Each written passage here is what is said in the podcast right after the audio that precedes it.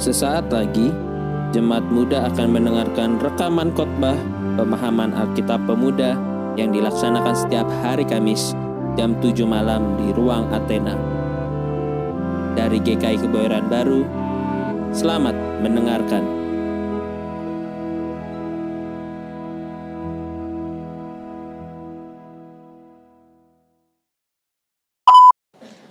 Rekan-rekan, pembacaan Alkitab kita malam hari ini terambil dari Injil menurut Markus pasal 1 ayat 1.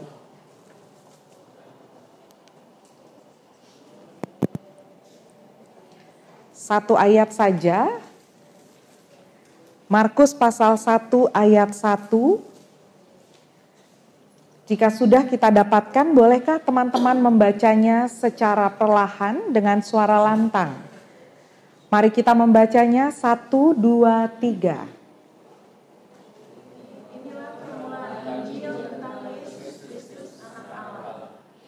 Ada yang belum dapat, jadi kita boleh ulang satu kali lagi ya. Markus pasal 1 ayat 1.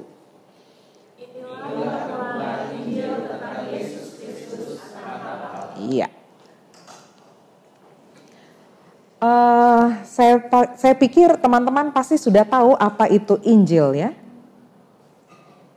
Pernah pernah bahkan sering mendengar kata Injil ya.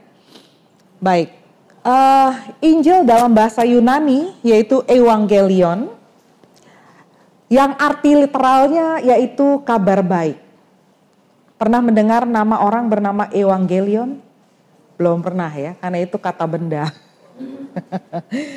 ya, kalau di dunia Yunani kuno, Evangelion ini selalu merujuk pada hal-hal baik dan menggembirakan yang biasanya diproklamasikan atau diwartakan secara lisan. Ya, bisa oleh utusan raja, bisa oleh pegawai kerajaan maksudnya. Ya, biasanya hal-hal yang e, mendatangkan sukacita. Sehingga Misalnya kabar kemenangan, dahulu orang Yunani suka berperang, maka dia bisa kalau dia menang, maka kabar baik itu akan disampaikan oleh utusan ya ke berbagai daerah atau kelahiran putra mahkota, Tuhan, kaisar ya atau eh, hal-hal uh, yang baik berkenaan dengan kerajaan Yunani Romawi kuno. Nah, kekristenan muncul di dunia uh, Yunani Romawi ya sehingga kata evangelion kemudian dipakai diadaptasi tetapi kali ini kata tersebut tidak hanya merujuk pada hal-hal yang sifatnya politik kabar kemenangan, kelahiran putra mahkota dan sebagainya. Tapi secara khusus kata evangelion ini justru dipakai oleh para penulis Injil-Injil Perjanjian Baru, Matius, Markus, Lukas dan Yohanes ya untuk merujuk isi dari pewartaan Yesus Kristus ketika ia hidup di Palestina awal abad pertama Masehi. Kata evangelion digunakan oleh Yesus dalam tuturan Injil-Injil Perjanjian Baru merujuk kepada kerajaan Allah. Ya, apa itu kerajaan Allah? Dalam bahasa Yunani basileia tuteo. Kerajaan Allah ya. Tetapi sesungguhnya yang dimaksud dengan kerajaan Allah di sini teman-teman adalah pemerintahan Allah. Di mana Allah berkuasa, di situ ada kabar baik. Di mana Allah hadir, di situ ada kabar baik. Tapi kalau Allah tidak hadir di sana, hampir dapat dipastikan dan sudah pasti bahkan tidak ada kabar baik. Tidak ada sukacita sama sekali. Nah Yesus menyampaikan tentang kerajaan Allah. Dia adalah pewarta yang giat, pewarta yang kreatif, pewarta yang aktif. Cara Yesus menyampaikan kabar baik sebagai pewarta ya, adalah melalui perkataan.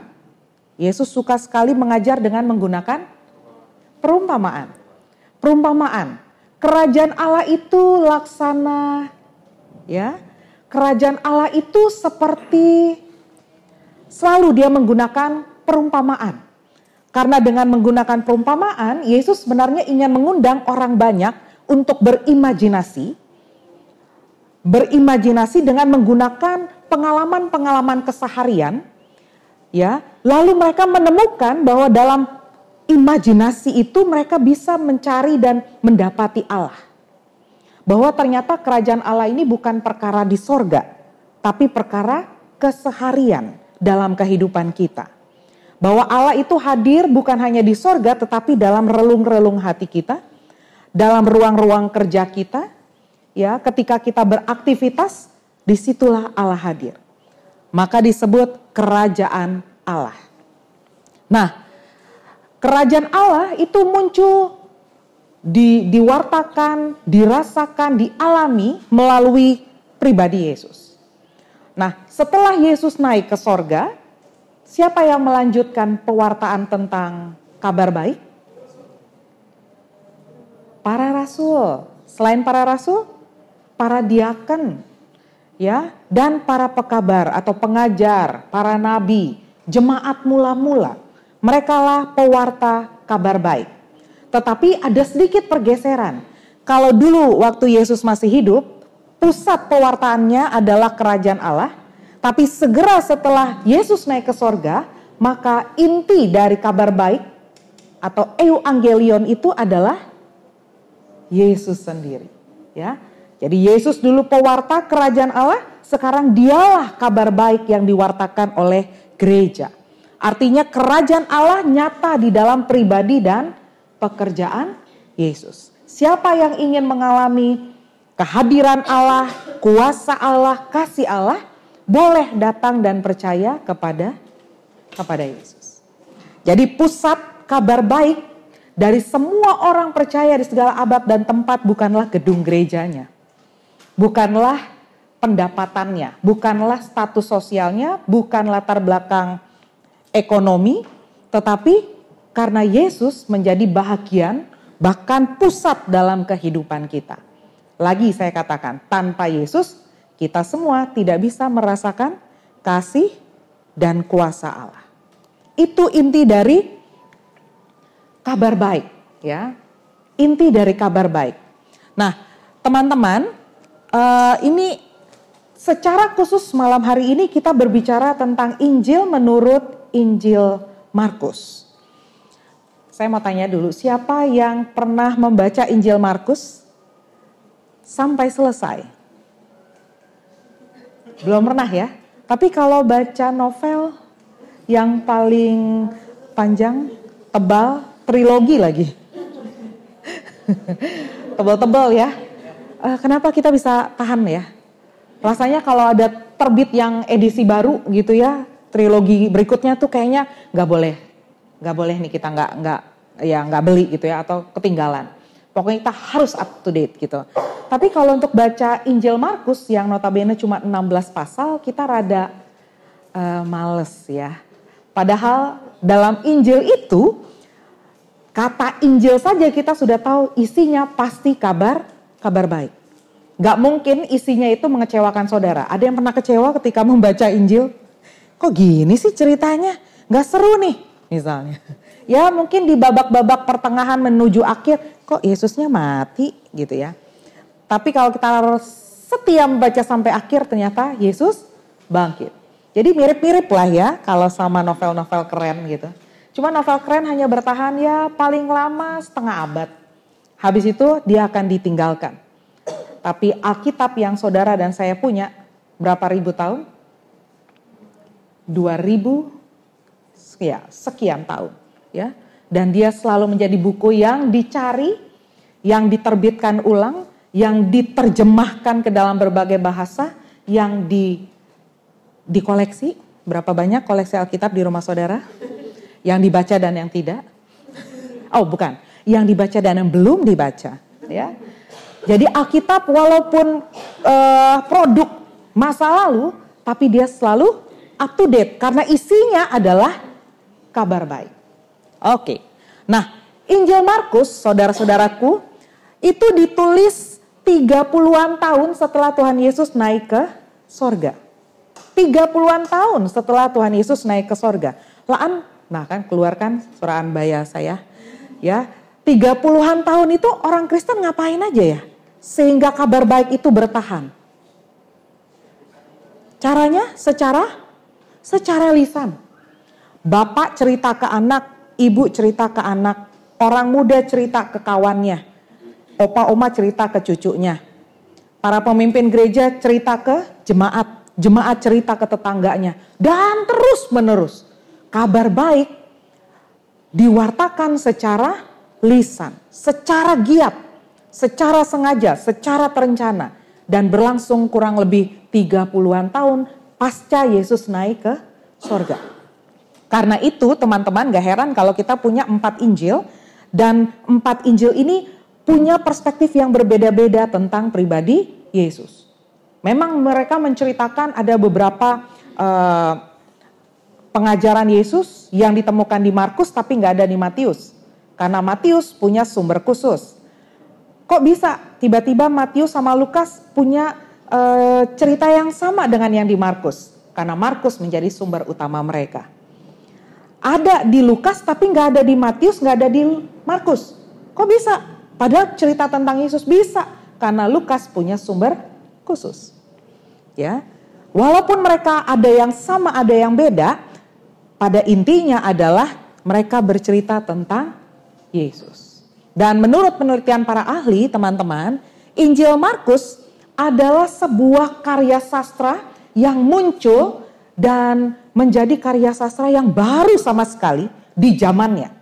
Baru sama sekali di zamannya. Maka disebut dengan genre Injil. Karena pada zaman dulu teman-teman jarang ada orang yang menulis biografi seperti yang dalam pemahaman biografi modern zaman kita sekarang ya.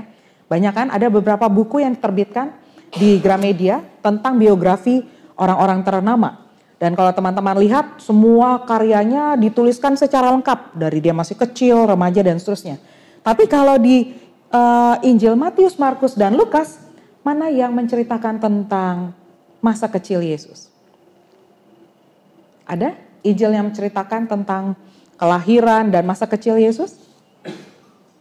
Ya hanya dua, yaitu Matius dan Lukas ya. Itu pun nggak lengkap. Ada yang hilang umur 12 sampai umur 30 tahun tidak diceritakan Yesus ke mana ya.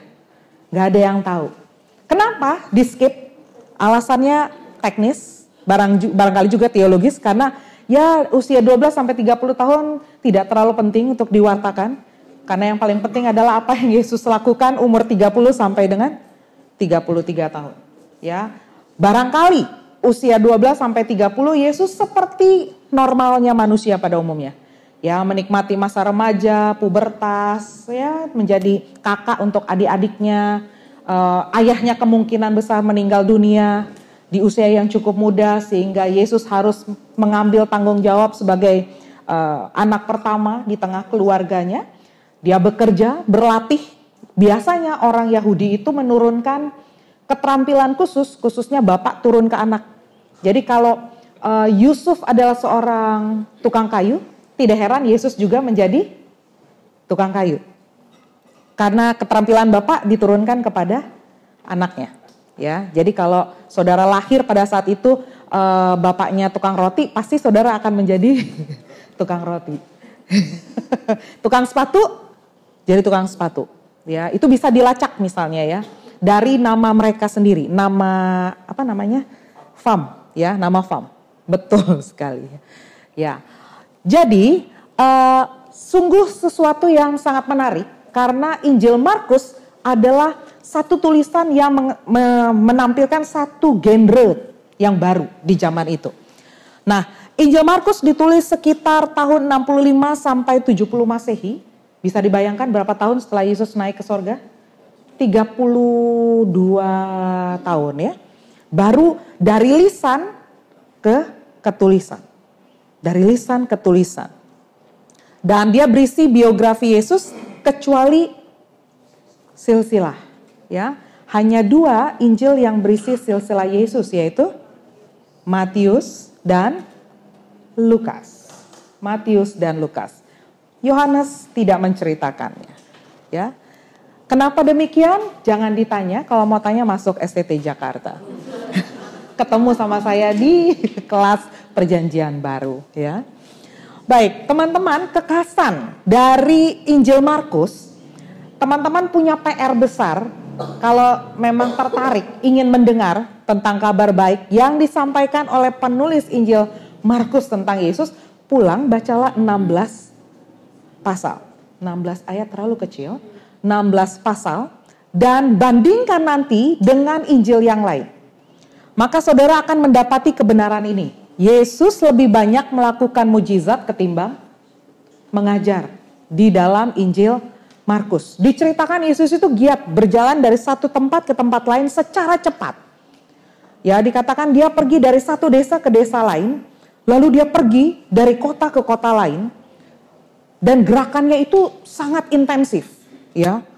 Dia tidak pernah sepertinya terlalu lama di sebuah kota, terlalu lama di sebuah desa.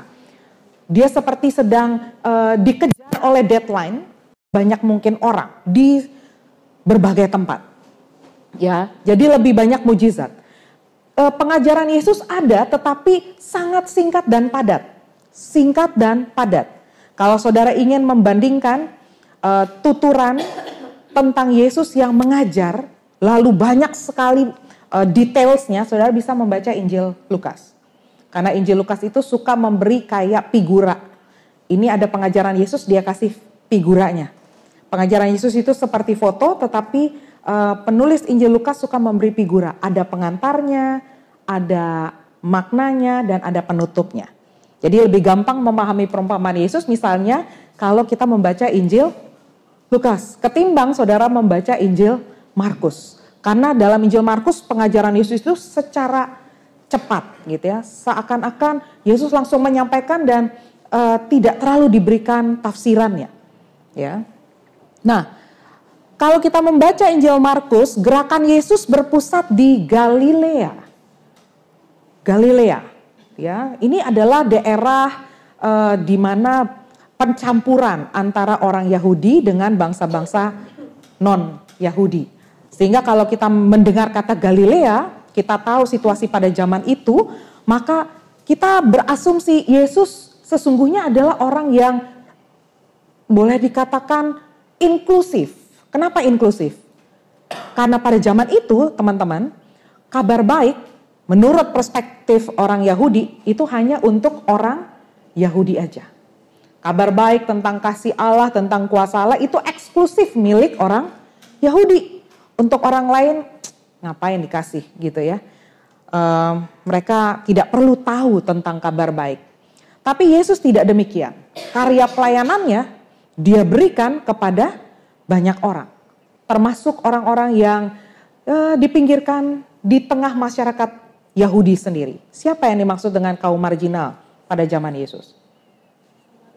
orang Samaria, ya setengah Yahudi, setengahnya uh, bangsa lain. Jadi zaman dulu yang disebut blasteran tuh nggak nggak kece. Iya, kalau sekarang setengah Indonesia, setengah bule, kece gitu ya. Zaman dulu setengah Yahudi, setengah orang lain, ye nggak masuk dalam kategori asli. Ya, kira-kira begitu. Ya, orang Samaria, non Yahudi ya. Lalu apalagi? pemungut cukai, apa lagi? Siapa lagi? Mohon maaf, siapa lagi? Perempuan, ya perempuan berdosa, ya karena dia melakukan pekerjaan yang dianggap amoral, ya menjual diri.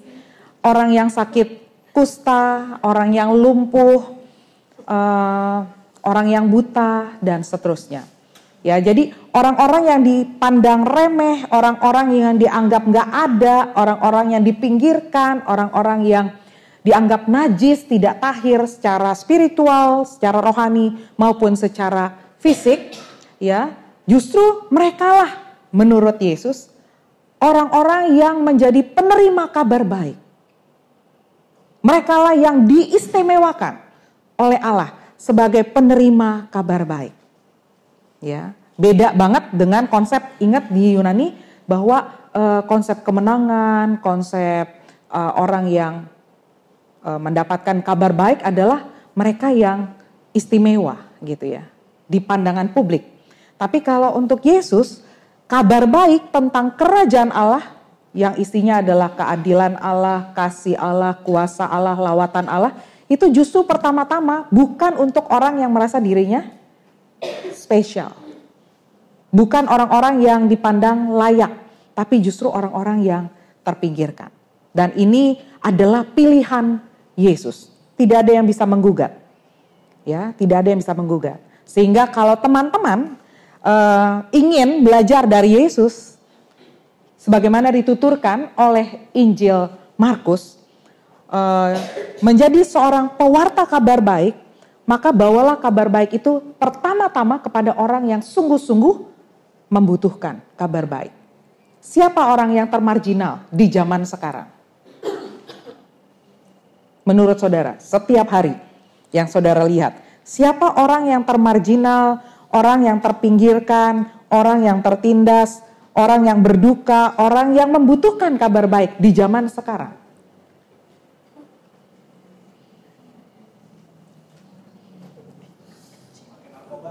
Yang pakai narkoba, LGBTIQ,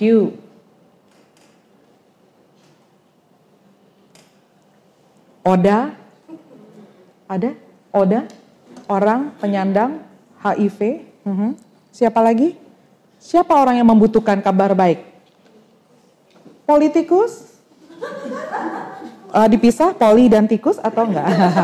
Maaf. politikus. Oke, okay. kayak menarik nih kalau dilanjutkan. Kenapa politikus membutuhkan kabar baik? Ya karena kalau seorang, ya mungkin bukan hanya politikus, ya oke okay lah politikus.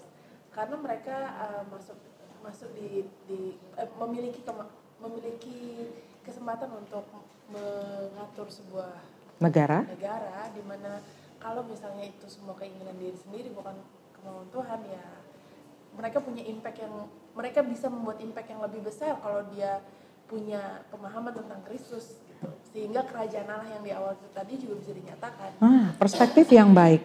Ini perspektif yang uh, baik ya, perspektif alternatif bahwa ternyata uh, tidak hanya orang-orang yang membutuhkan orang-orang yang tertindas yang perlu kita sampaikan kabar baik. Ternyata orang-orang yang punya jabatan, ya, kekuasaan, ya, eh, orang-orang yang ada di titik-titik penting, menguasai hajat hidup orang banyak atau menentukan kepentingan publik, justru mereka juga adalah orang yang butuh kabar baik tentang kerajaan Allah, tentang diri Yesus Kristus.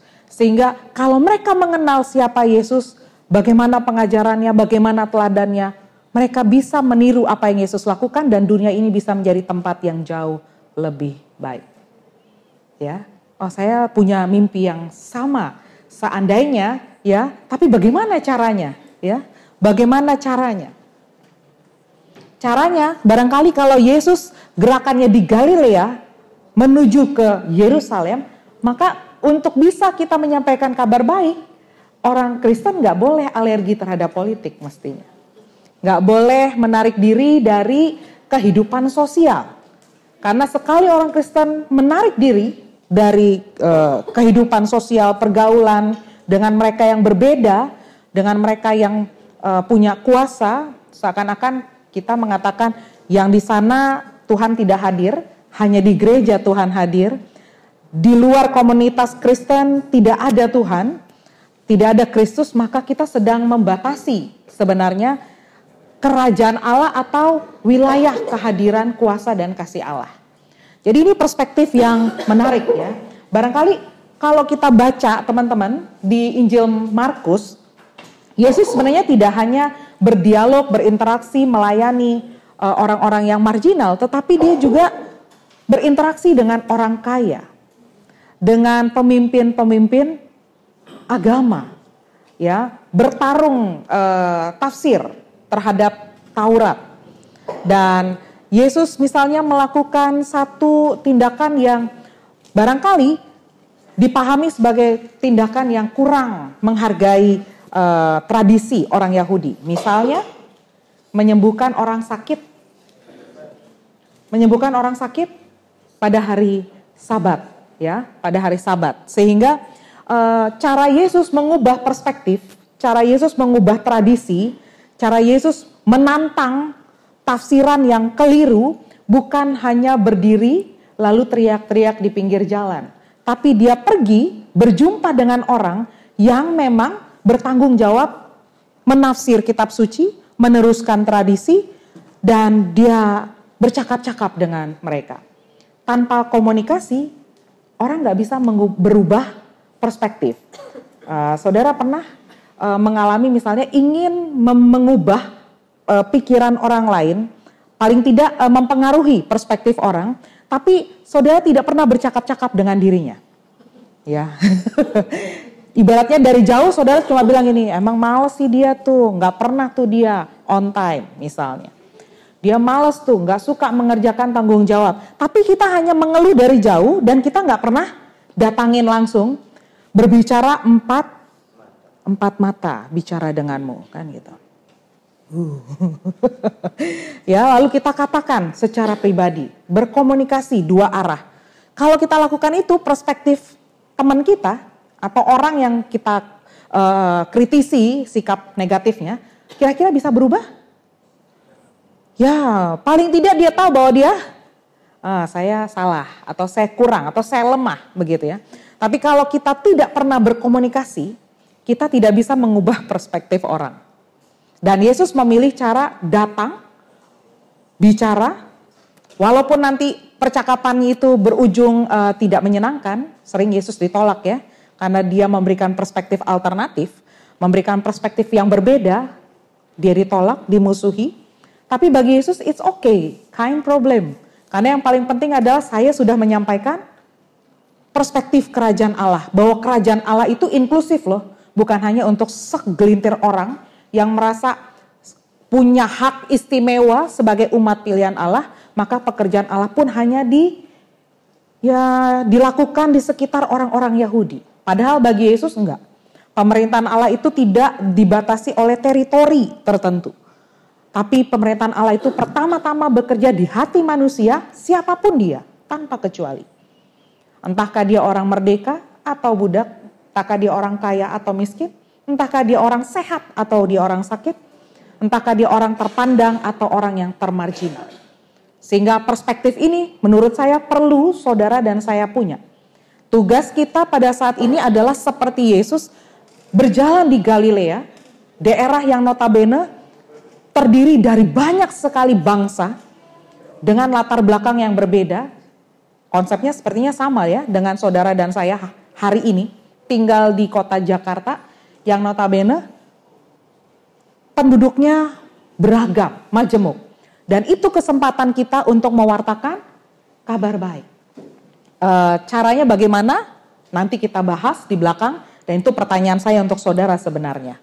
Ya, Yesus berpusat, eh, gerakan Yesus berpusat di Galilea menuju Yerusalem. Karena itu kalau kita membaca Injil Markus, Seakan-akan Yesus hanya satu kali mengunjungi Yerusalem dan itu pun menjadi akhir dari kehidupannya. Ya, tapi ini akan berbeda kalau teman-teman membaca Injil Yohanes.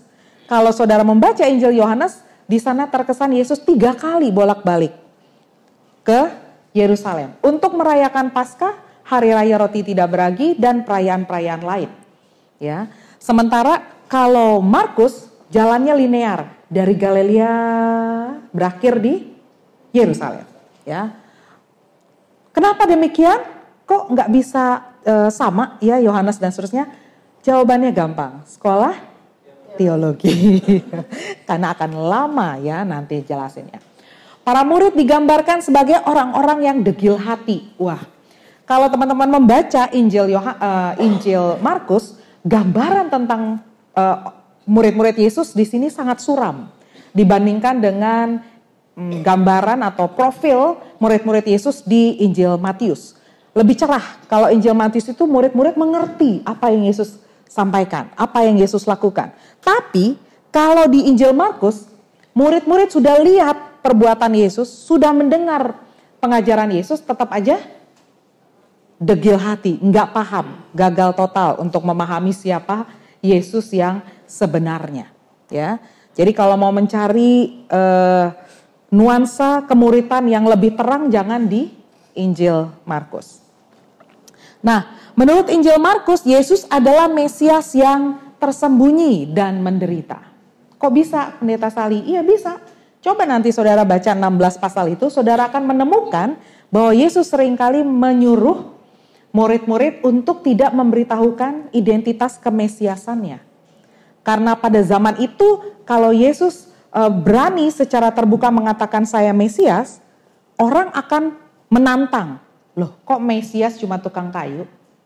Konsep orang Yahudi pada zaman itu Mesias itu harus jadi penguasa harus duduk di tahta, sanggup berperang mengalahkan uh, musuh-musuh mereka, khususnya bangsa Roma yang saat itu sedang uh, berkuasa, betul. Jadi kalau Yesus mengaku Mesias, pasti akan ditertawakan oleh banyak orang, ya. Ya, Yesus pernah bertanya, menurut kamu, menurut orang siapakah aku? Lalu Petrus berkata, menurut orang kamu adalah Elia. Kamu adalah Yohanes uh, Pembaptis, atau mungkin kamu adalah seorang nabi. Lalu Yesus bertanya lagi, tapi menurut kamu siapakah aku? Maka Petrus menjawab, engkau adalah Mesias, anak Allah. Ya, lalu ber, berkatalah Yesus, e, kamu bisa mengatakan itu bukan karena kekuatanmu, tetapi karena Allah yang menyatakannya kepadamu. Tapi dilarang, nggak boleh memberitahukan. Yang tahu identitas Yesus justru adalah iblis. Unik dalam Injil Markus. Ya, orang lain nggak tahu, termasuk murid-murid tidak tahu identitas Yesus. Yang tahu identitas Mesias Yesus justru adalah setan-setan.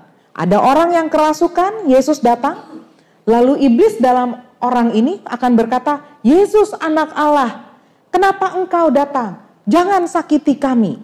Ya, lalu Yesus menghardik dan seakan-akan mau mengatakan jangan beritahu identitas kemesiasan atau keanak-alahannya Yesus. Ya. Jadi kalau Injil Markus eh, kemesiasan Yesus itu ya tersembunyi dan hanya baru dipahami ketika para murid menyaksikan peristiwa salib. Jadi Mesias kemesiasan Yesus menurut Injil Markus adalah Mesias bukan Mesias politik, melainkan Mesias yang mengorbankan diri demi menyelamatkan banyak orang. Dan itulah puncak dari kabar baik yang disampaikan oleh Yesus. Bahwa di dalam dirinya dia mengorbankan diri supaya saudara dan saya memperoleh keselamatan. Itu kabar baik. Itu kerajaan Allah yang nyata di dalam diri dan perbuatan Yesus, ya. Lebih daripada itu, menurut uh, Injil Markus, model murid yang benar adalah model murid yang sedia menderita. Sama seperti Yesus menderita, maka murid-murid diminta juga untuk siap, siap menghadapi penderitaan. Karena resiko sebagai murid Yesus adalah mengalami seperti yang Yesus alami. Ya. Jadi model kemuritan menurut Injil Markus adalah siap menderita seperti Yesus. Nah, teman-teman, yang berikutnya pernah melihat simbol ini? Ya, jarang ya di Alkitab kita barangkali juga tidak pernah ada simbol itu. Tapi kalau saudara membaca Yehezkiel 1 ayat 5 sampai 28, Wahyu 4 ayat 6 sampai 11, saudara akan menemukan empat jenis makhluk. Saya tidak akan membahas semuanya, saya hanya mengambil satu saja simbol dari Injil Markus. Kalau saudara lihat di sana, singa tapi punya sayap. Ya, kenapa singa punya sayap? Ini gambaran apa? Gambar bahwa Yesus adalah sosok yang menyatakan kuasa Allah. Singa itu adalah hewan yang paling kuat ya di dunia perbinta, perbinatangan ya. dia yang paling kuat. Tetapi dia digambarkan Yesus adalah sosok yang juga mengalami penderitaan. Jadi kekuatan Yesus bukan secara fisik, tapi kekuatannya dalam hal kasih ya, dalam hal ketaatan kepada Allah, dalam hal kerelaan untuk berkorban. Itu kekuatan Yesus. Ya, ke, ke kekuatan itu jangan selalu diidentikan dengan fisik ya. Ya ada anak muda yang kita lihat kelemar-kelemar gitu, bisa nggak ya dia nih? Bisa nggak ya? Kayak badannya kecil, bisa nggak ya gitu? Tingginya kurang, bisa nggak ya jadi jadi ketua gerakan pemuda gitu ya? bisa nggak ya gitu. Tapi begitu ternyata begitu vote dia yang suaranya keluar misalnya. Begitu dia terpilih menjalankan kepemimpinan baru kita dengar suaranya biar kecil lantang. Biar kecil tegas, biar kecil kreatif. Jadi orang nggak boleh uh, melihat ya sesamanya itu dengan ukuran fisik ya. Seringkali kita mungkin bertanya kenapa sih dia yang kepilih, kenapa sih gitu ya. Jawabannya sederhana, karena Tuhan melihat hati dan dia tidak melihat rupa. Ya, hati. Jadi Tuhan lebih melihat hati. So itu yang sebenarnya uh, diceritakan dalam Injil Markus bahwa kabar baik itu memang disampaikan oleh sosok Yesus yang ya mungkin untuk orang di zamannya itu siapa sih tukang kayu kok bisa membawa kabar baik? Kok Yesus cuman begini doang begitu, tapi kok dia bisa melakukan banyak uh, mujizat ya. Yang mau ditekankan adalah teman-teman, mungkin dunia melihat kita biasa-biasa aja. Karir kita mungkin nggak terlalu tinggi ya, profesi kita mungkin ya di pandangan orang ah kurang gitu ya. Tapi bukan berarti itu membatasi saudara dan saya untuk menjadi pewarta kabar baik. Menjadi orang-orang yang siap ya menyampaikan kabar baik. Yesus memang profesinya tukang kayu, tapi dia tidak membiarkan profesinya menjadi hambatan untuk menjadi pewarta kabar baik. Oke. Berikutnya kerajaan Allah hadir dalam pribadi Yesus baik melalui perkataan maupun perbuatan. Injil Markus dan ketiga Injil lainnya menyatakan, menyaksikan bahwa perkataan dan perbuatan Yesus penuh dengan daya, penuh dengan kuasa, ya, untuk memulihkan, membebaskan, menobatkan, menghancurkan. Bingung nggak menghancurkan? Ya, kalau saudara e, membaca perkataan Yesus itu singkat, padat, jelas, menyentuh. Ya, apa yang Yesus katakan ketika ada seorang perempuan hendak dirajam? Ya, lalu orang sedang menanti-nantikan dia, misalnya ya, ini bukan dalam Injil Markus, dalam Injil Yohanes. Lalu tiba-tiba Orang begitu ribut, apa yang Yesus lakukan? Dia tenang, dia menulis, ya satu-satunya tulisan tapi nggak ada lagi karena di tanah sudah terhapus itu tulisan. Ya, di tengah eh, tekanan Yesus mengambil saat tenang, berpikir dengan jernih, lalu dia mulai berkata, siapa yang tidak berdosa? Silakan ambil batu dan lempar batu ini yang ya semua orang merasa malu, sadar bahwa dirinya adalah orang berdosa dan tidak berhak untuk menghakimi. Apa yang Yesus katakan kepada perempuan yang terselamatkan itu? Pergilah. Ya. Hai perempuan, di manakah orang-orang yang hendak menghukum engkau? Aku pun tidak menghukum engkau. Pergilah dan jangan berbuat dosa lagi. Perkataannya singkat, padat, jelas, tapi kira-kira kalau saudara dan saya ada di posisi sebagai perempuan yang harusnya mati dirajam, perkataan Yesus menjadi perkataan Yesus menjadi menjadi kabar baik. Menjadi kabar baik. Saudara pernah, ya ini jawabannya di hati manusia, di hati saudara aja. Pernah melakukan dosa yang tersembunyi?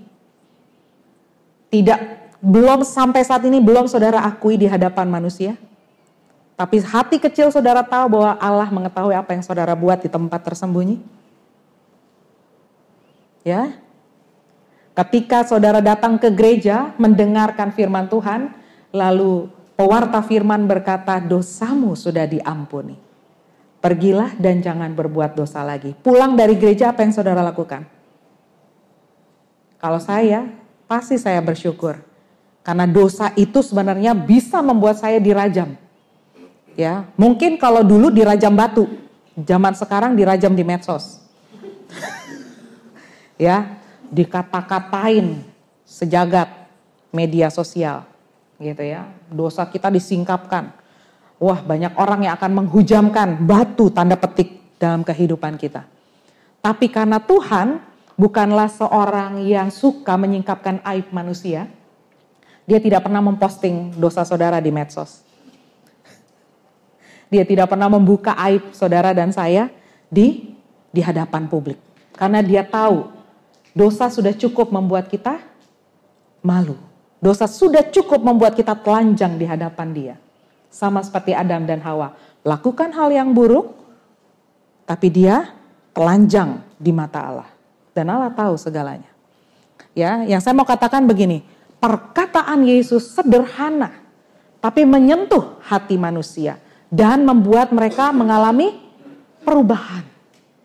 Saya mau tanya sama saudara, nanti ya, atau sekarang juga boleh. Perkataan apa dari seseorang yang saudara kenal ataupun yang tidak, yang sampai sekarang mempengaruhi saudara. Dan perkataan itu singkat, sederhana, positif dan terus mempengaruhi saudara sampai hari ini. Ada nggak? Ada? Kalau ada siapa? Siapa kak? Siapa yang uh, pernah memberikan perkataan sederhana kepadamu dan ternyata perkataan itu terinternalisasi dalam diri dan membuat kamu sampai sekarang tetap positif melakukan itu.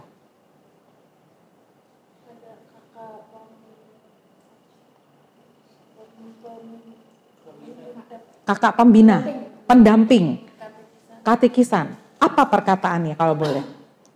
Uh, dia bilang uh, kamu berharga untuk Tuhan. Kamu berharga untuk Tuhan, dan itu mengubah perspektifmu kan? Kalau dulu kayaknya aku ya minder, tapi begitu dibilang aku berharga di mata Tuhan, kalau di mata Tuhan aku berharga di mata manusia, kain problem dah. Ye mau mau lihat saya seperti apa, it's okay, terserah itu ibaratnya itu persoalannya dia, bukan persoalan kita. Yang penting bagi Allah, aku berharga. Yang lain pernah mendengar perkataan sederhana tapi memberi dampak positif yang besar dalam hidup saudara? Pernah? Bung? Sweetan aja kalau begitu. Siapa yang menang? Gunting kertas batu.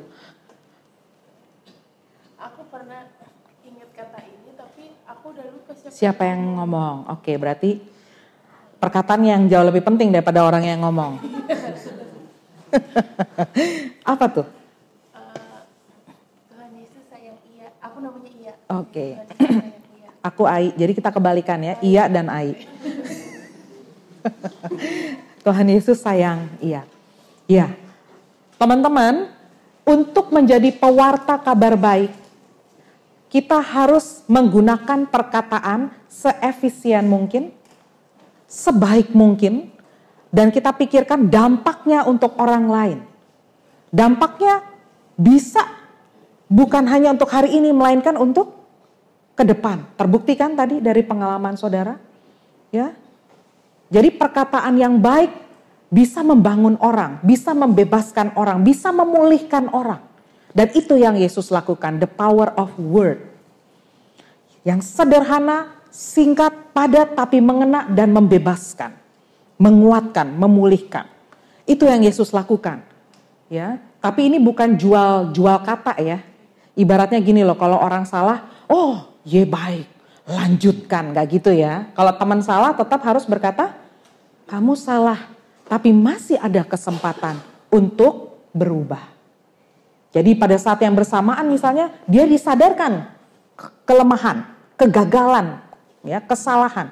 Tapi pada saat itu juga kita memotivasi dia bahwa masih ada kesempatan untuk menjadi pribadi yang jauh lebih baik.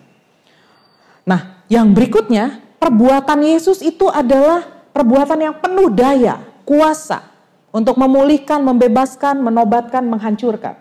Yang dimaksud dengan menghancurkan di sini pastinya adalah kecongkakan hati, kecemasan, kekhawatiran, keraguan, ya. Yang dihancurkan bukan manusia tetapi tabiat, sifat, karakter, ya. Tindakan atau perbuatan. Nah, perbuatan Yesus sederhana, teman-teman. Coba deh teman-teman lihat nanti Injil Markus, perbuatan Yesus sederhana. Dia cuma datang ke rumah, duduk berbicara dengan Maria dan Marta. Ya, duduk berbicara. Marta sibuk misalnya di dapur memasak sesuatu, Maria duduk di kakinya, dia bercakap-cakap dengan perempuan. Tidak dipikirkannya pandangan masyarakat pada saat itu. Karena pada zaman itu yang boleh mendengar seorang guru, rabi berbicara adalah laki-laki. Perempuan itu di belakang. Nanti dengar pengajaran dari laki-laki. Bagi Yesus, wow, semuanya boleh mendengar kabar baik tanpa kecuali. Gender tidak menentukan privilege. Di mata Yesus, laki-laki perempuan sama saja. Kabar baik harus diwartakan tanpa halangan apa pun, termasuk halangan gender. Ya. Perbuatan Yesus yang lainnya apa? Dia duduk bersama-sama dengan pemungut cukai, makan sehidangan. Padahal di zaman itu yang namanya uh, pemimpin ulama adalah orang-orang yang dianggap tahir. Sehingga makan gak boleh sama orang yang dianggap berdosa. Karena kalau kamu bergaul dengan orang berdosa, kamu menjadi tidak tahir. Ikut menjadi berdosa. Tapi yang Yesus lakukan, oh tidak, dia duduk makan bersama-sama dengan orang-orang yang berdosa. Tapi dari tindakan yang sederhana ini, kira-kira, kira-kira ya, kalau kita semua adalah sekumpulan pemungut cukai, kita semua adalah orang-orang yang suka makan riba, dianggap eh, kaya memang secara ekonomi, tetapi rendah secara sosial dan religius. Lalu Yesus datang di tengah di tengah-tengah kita, makan apa yang kita makan, minum apa yang kita minum. Perasaan saudara apa? Perasaan, uh, perasaan saudara? Sangat, sangat bahagia. Kok bisa ya kita yang begini dikunjungi oleh dia yang luar biasa itu. Kira-kira begitulah perasaan uh, pemungut cukai dan orang berdosa ketika Yesus hadir di tengah mereka. Mereka merasa dihargai, mereka merasa diterima, mereka merasa berharga. Mereka merasa mereka adalah orang-orang yang juga dirangkul oleh Allah. Lalu apa dong manfaat kita berbicara ini? Manfaatnya sederhana teman-teman. Bahwa ketika teman-teman diutus sebagai pewarta kabar baik di zaman sekarang, jangan hanya mewartakan itu di komunitas-komunitas yang tanda petik baik-baik aja. Saudara juga perlu memberikan uh, kabar baik itu di tengah-tengah orang-orang yang dianggap sepele. Ya, di tengah komunitas yang mungkin ketika saudara masuk, saudara juga bisa dicurigai. Apa nih maksudnya nih? Jangan-jangan kristenisasi nih gitu ya. Segala resiko memang ada, tetapi kalau saudara berbuat seperti yang Yesus lakukan, tindakan sederhana tapi tindakan itu memberikan pesan yang kuat kepada orang lain. Ya, pesan yang kuat. Kayaknya GKI eh, Kebayoran Baru sudah melakukan itu sejak sejak sejak dulu. Saya mahasiswa praktek di sini tahun 2002 waktu saya masih sekolah S1 STT Jakarta. Saya melihat ada pelayanan yang dilakukan kakak-kakak masih muda. Kalau sekarang mungkin sudah seumuran saya kali ya. E, mereka mengajar anak-anak jalanan ya. Anak-anak jalanan. Dan kakak-kakak itu begitu bersemangat mengajarkan adik-adiknya. Padahal ruangannya itu, ya saya nggak tahu kalau sekarang ya, apa ruangannya sudah lebih baik. Tapi itu lorong begitu, ya terus banyak bangku-bangku yang tidak rapih tapi kakak-kakak ini memberikan pelayanan dengan gigih. Ya, anak-anak suaranya riuh sekali. Saya pikir ini anak-anak ngerti nggak apa yang diajarin ya dengan suara seperti ini. Tapi kehadiran kakak-kakak ini sudah cukup bagi adik-adik bahwa mereka merasa disayangi, bahwa mereka merasa dipedulikan, bahwa pendidikan mereka juga menjadi concern dari gereja. Dan saya pikir sekarang masih terus ya dilaksanakan, bahkan berkembang. Ya sudah banyak hasilnya. Dari apa yang kita lakukan tindakan yang sederhana berdampak besar. Bagi kita tindakannya sederhana. Bagi orang lain dampaknya besar. Kita nggak pernah tahu perbuatan baik yang kita taburkan melalui perkataan dan tindakan itu ternyata berkesan di hati orang dan orang itu berbuah menjadi luar biasa menjadi berkat tanpa kita sadari dan tanpa kita tahu. Barangkali itu yang Yesus mau lakukan, yang mau kita semua lakukan. Dari tindakan yang sederhana, tapi memberikan dampak yang besar. Saya sengaja memilih gambar ini, teman-teman. Ini adalah gambar yang gak lazim. Kenapa saya katakan gambar yang gak lazim? Di zaman dahulu, awal abad pertama Masehi di Palestina, rabi jarang mau duduk dekat dengan anak. Karena bagi uh, orang Yahudi pada zaman itu anak itu masih belum manusia dewasa. Anak itu masih butuh dididik. Anak itu tidak boleh dekat-dekat apalagi kalau dalam urusan publik ya. Anak-anak nanti di rumah baru mendengar pengajaran orang tua. Di sekolah ya. Tapi kalau untuk mendekat rasa-rasanya itu hanya dianggap sebagai sebuah gangguan. Makanya murid-murid Yesus marah ketika orang tua membiarkan anaknya mendekat kepada Yesus. Tapi apa yang Yesus katakan? Biarkanlah anak-anak itu datang kepadaku, sebab orang-orang seperti inilah yang empunya kerajaan sorga. Yesus memeluk, Yesus memangku, Yesus membiarkan, Yesus memberkati anak. Tindakannya ini sederhana, tapi bayangkan kalau ribuan orang melihat tindakan itu, apa pesan yang akan muncul di kepala mereka? Apa kesan yang akan muncul di kepala mereka? Bahwa anak-anak bukanlah gangguan. Bahwa anak-anak sama berharganya dengan orang dewasa. Bahwa anak-anak berhak diberkati oleh Yesus. Bahkan dia disebut sebagai metafora tentang orang-orang yang layak masuk ke dalam kerajaan Allah. Yesus memutar perspektif orang hanya melalui tindakan yang sederhana. Tampaknya simbolik tapi pesannya kuat kepada 5.000 orang yang sedang melihat dia melakukan hal itu.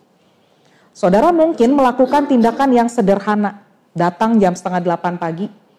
Sederhana, tetapi tanpa disadari orang melihat perbu perbuatan dan perubahan yang signifikan. Ya, kalau hari ini datang, lalu besok enggak, besoknya datang pagi, besoknya enggak, orang akan bilang, tadi malam kayaknya salah lihat jam ya ya, salah lihat jam. Jadi uh, harusnya ini masih jam setengah enam di, di, di, di mata kita setengah tujuh. Jadi kita berangkat. Orang belum buka grendel kantor kita udah datang, gitu ya. Tapi karena kita melakukannya konstan, tekun, terus menerus, maka orang melihat bahwa ini eh, perubahannya sangat signifikan dan pasti sesuatu telah terjadi dalam diri orang yang melakukan. Nah, dalam diri Yesus ada yang sudah dia lakukan. Ada yang berubah dalam hatinya karena bagi dia perspektif utamanya bukanlah dirinya, tapi perspektifnya adalah kerajaan Allah. Ketika kerajaan Allah dalam hati, ada dalam hati, dan kemudian dia mengasihi sesama, maka orientasi mewartakan kabar baik bukan lagi kepentingan pribadi, melainkan kepentingan orang yang dilayani. Karena itu, tidak peduli entahkah dia anak-anak atau orang dewasa, lansia, jompo atau yang bagaimana begitu ya bagi Yesus mereka sama berharganya. Bagi saya perspektif ini penting untuk saudara dan saya miliki. Kita tidak bisa mewartakan kabar baik kalau kita masih merendahkan sesama kita hanya gara-gara dia punya gender yang berbeda, orientasi seksual yang berbeda, ekspresi eh, seksual yang berbeda, umur yang berbeda, latar belakang sosial yang berbeda, tingkat pendidikan yang berbeda, suku yang berbeda, atau yang lain halnya, kategori-kategori yang lain. Sekali kita tidak punya perspektif seperti Yesus, kita tidak bisa menjadi pewarta kabar baik. Jadi lihatlah sesama seperti Yesus melihat mereka. Coba saudara lihat kiri dan kanan saudara. Wajahnya ya sudah sering kan dilihat tapi melihat wajah mereka seperti Yesus melihat wajah mereka beda nggak? Beda? ya, sekali saudara melihat orang lain dengan perspektif saudara, ya ada kan orang yang wajahnya garang, tapi begitu saudara dengar suaranya aduh merdu sekali. Ya, ada yang wajahnya garang tapi begitu saudara bekerja sama dengan dia, dia orang yang baik sekali. Tapi ada yang wajahnya manis gitu ya. Begitu saudara dekat dia apa loh gitu ya. Kok ketus banget ya gitu ya. Kok sombong banget gitu. Jadi jangan menilai orang dari ya dari penampilan. Ya, segala sesuatu yang nampak ini hanya di luar aja, bisa dipermak. Apa? Film apa yang baru-baru ini uh, orang bisa dirubah cara berpakaiannya? Saya juga lupa ya. Cuma sebentar aja sih nonton itu film ya. Jadi gaya berpakaiannya old fashion banget, terus ada seorang jago apa sih uh, padu padan ya, lalu dia mengubah cara berpakaian gitu ya. Jadi menurut saya itu bisa diubah kok sesuai dengan tren. Yang gak bisa diubah, ya bukan gak bisa diubah, bisa diubah kalau mau adalah karakter. perspektif kita untuk menjadi pewarta kabar baik seperti Yesus adalah saudara harus melihat sesama saudara seperti Yesus melihat mereka. Maka kepada mereka saudara akan memberikan kabar baik. Dengan cuma-cuma, tanpa batas, tanpa pamrih, tanpa syarat. Ya, kan sering kali ya kalau saudara lihat di YouTube, ya di YouTube misalnya, ada di di bus, lalu oma-oma masuk, ya, ini yang duduk nih masih muda, pemuda, ya, dilihat oma-omanya, ah males banget berdiri untuk oma. Tapi nggak lama stasiun tek berhenti masuk nona cantik ya. Lalu dia bilang, uh ada dia nih, wah harus gimana ya. Dia berdiri, silakan nona. Nona bilang mohon maaf oma aja. Ya, kira-kira enak gak digituin? Hmm, ya. Jadi berbuat kebaikan sebenarnya bukan karena ya tulus tapi pengen ya tebar pesona bahasanya ya tebar pesona nih. Siapa tahu kalau saya suruh dia duduk pulang bisa kenalan. Paling nggak HP lah nomor HP kan begitu. Next time nanti kita cari deh gitu ya. PDKT wah bapak gaul juga. PDKT ya. Jadi kalau kita nggak punya perspektif seperti Yesus mustahil saudara bisa mengasihi orang lain seperti Yesus mengasihi. Mustahil bisa mewartakan kabar baik kepada mereka seperti Yesus mewartakan kabar baik ya nah berikutnya coba saudara lihat Yesus mengasihi anak-anak dan dia memberikan kesembuhan kepada putri Yairus yang mati ya. Yesus melakukan karya luar biasa. Ya kita mungkin nggak ada yang bisa melakukan seperti ini ya. Sehebat-hebatnya berenang pasti hanya di kolam renang bukan? Nggak ada yang bisa berenang di laut lepas.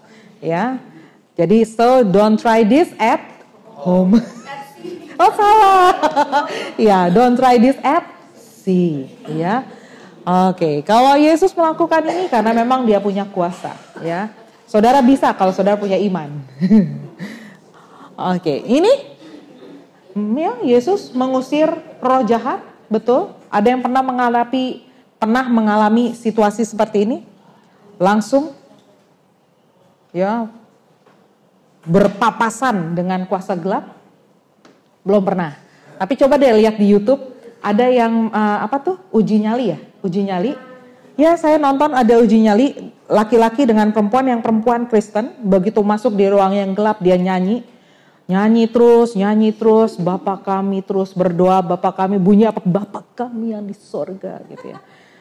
Tapi akhirnya ya selamat juga sih dia nggak kenapa-napa gitu ya berhasil melewati uh, waktu gitu ya. Tapi yang satunya malah kerasukan apa apa monyet uh, siluman, siluman monyet betul ya, naik-naik ke atas apa lemari, buk, buk, buk saya nonton gini, ini beneran apa enggak ya gitu ya.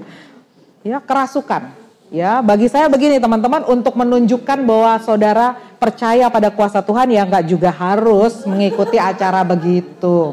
Ya, dalam hidup ini ya iblis bisa menggunakan berbagai cara untuk menunjukkan kuasanya.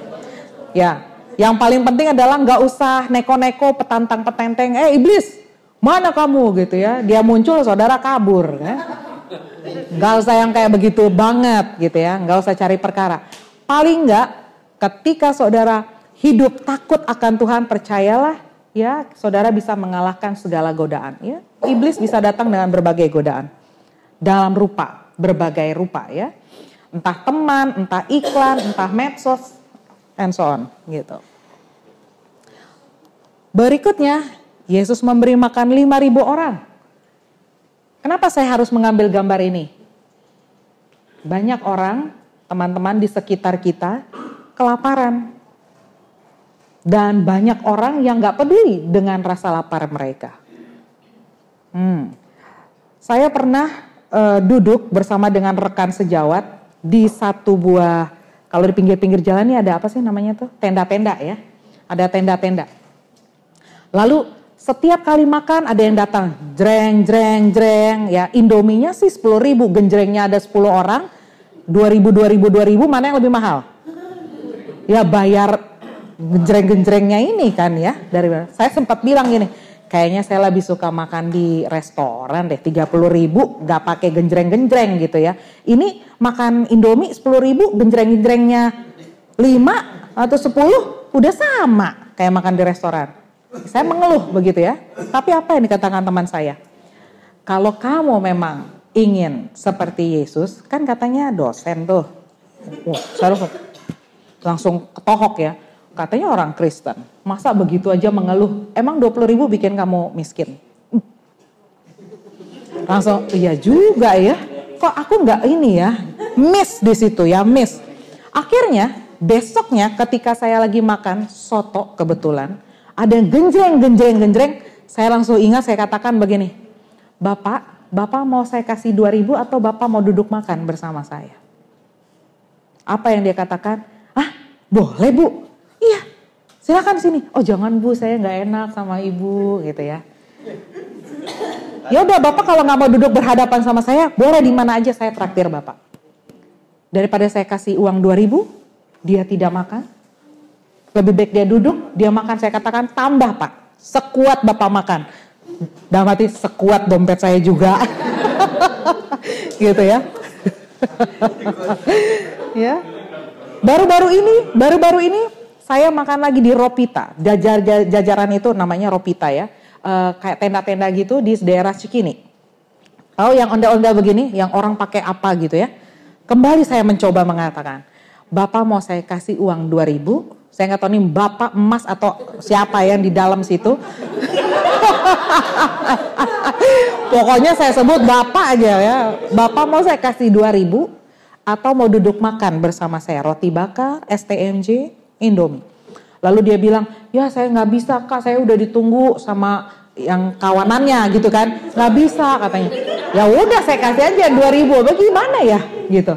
Tapi saya belajar bahwa menjadi apa warta kabar baik itu sebenarnya sederhana. Ya dia nggak mungkin, dia dia dia nggak mungkin begini teman-teman, dia nggak mungkin bertanya kamu orang Kristen bukan? Ya, dia nggak akan bertanya. Tapi sentuhan yang kita buat di hatinya dari perbuatan yang sederhana itu akan dia bawa sampai mati. Dan mungkin percaya atau enggak dia akan lakukan itu juga kepada orang lain. Dia akan lakukan itu. Mungkin dengan cara dengan uh, wujud yang berbeda, tapi satu perbuatan baik menginspirasi orang lain, orang lain akan melanjutkan perbuatan baik itu.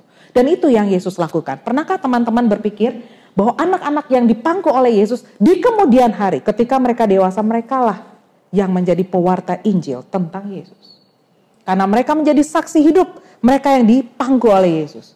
Mereka yang diberkati oleh Yesus. Tidak tercatat dalam kitab suci, tapi bukan berarti itu sesuatu hal yang mustahil. Bahwa anak-anak yang dipangku diberkati oleh Yesus, mereka lah yang akan menjadi pewarta kabar baik. Walaupun Yesus sudah naik ke sorga. Ya, jadi lakukanlah perkara yang sederhana, karena melalui yang sederhana itu kabar baik dirasakan oleh orang-orang di sekitar kita. Mulailah berubah zaman, mulailah berubah mulai dari perspektif kita tentang orang lain yang selalu menganggap bahwa orang lain ini buruk, jahat, jelek dan sebagainya. Rubah perspektif itu. Lihat mereka sebagaimana Yesus melihat mereka. Karena itu berikanlah ku hati seperti hatimu. Karena hati Yesus adalah hati yang melihat hati manusia, bukan rupa. Dan kalau kita sanggup untuk melakukan itu, di mana pun saudara hadir, kapan pun, di mana pun, apa pun situasi yang saudara hadapi, saudara akan tetap menjadi pewarta kabar baik. Apa kabar? Apa kabar? Baik. Tuhan memberkati saudara. Amin.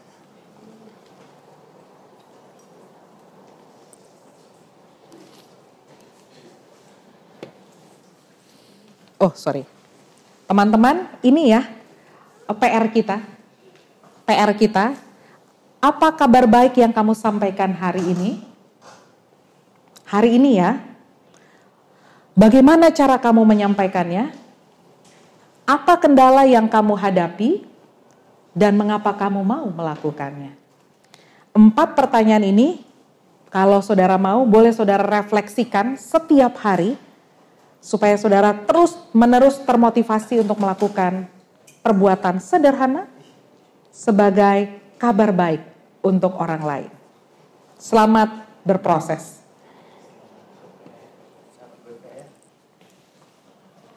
Saya ke mana? Saya sudah lupa tempat duduk saya.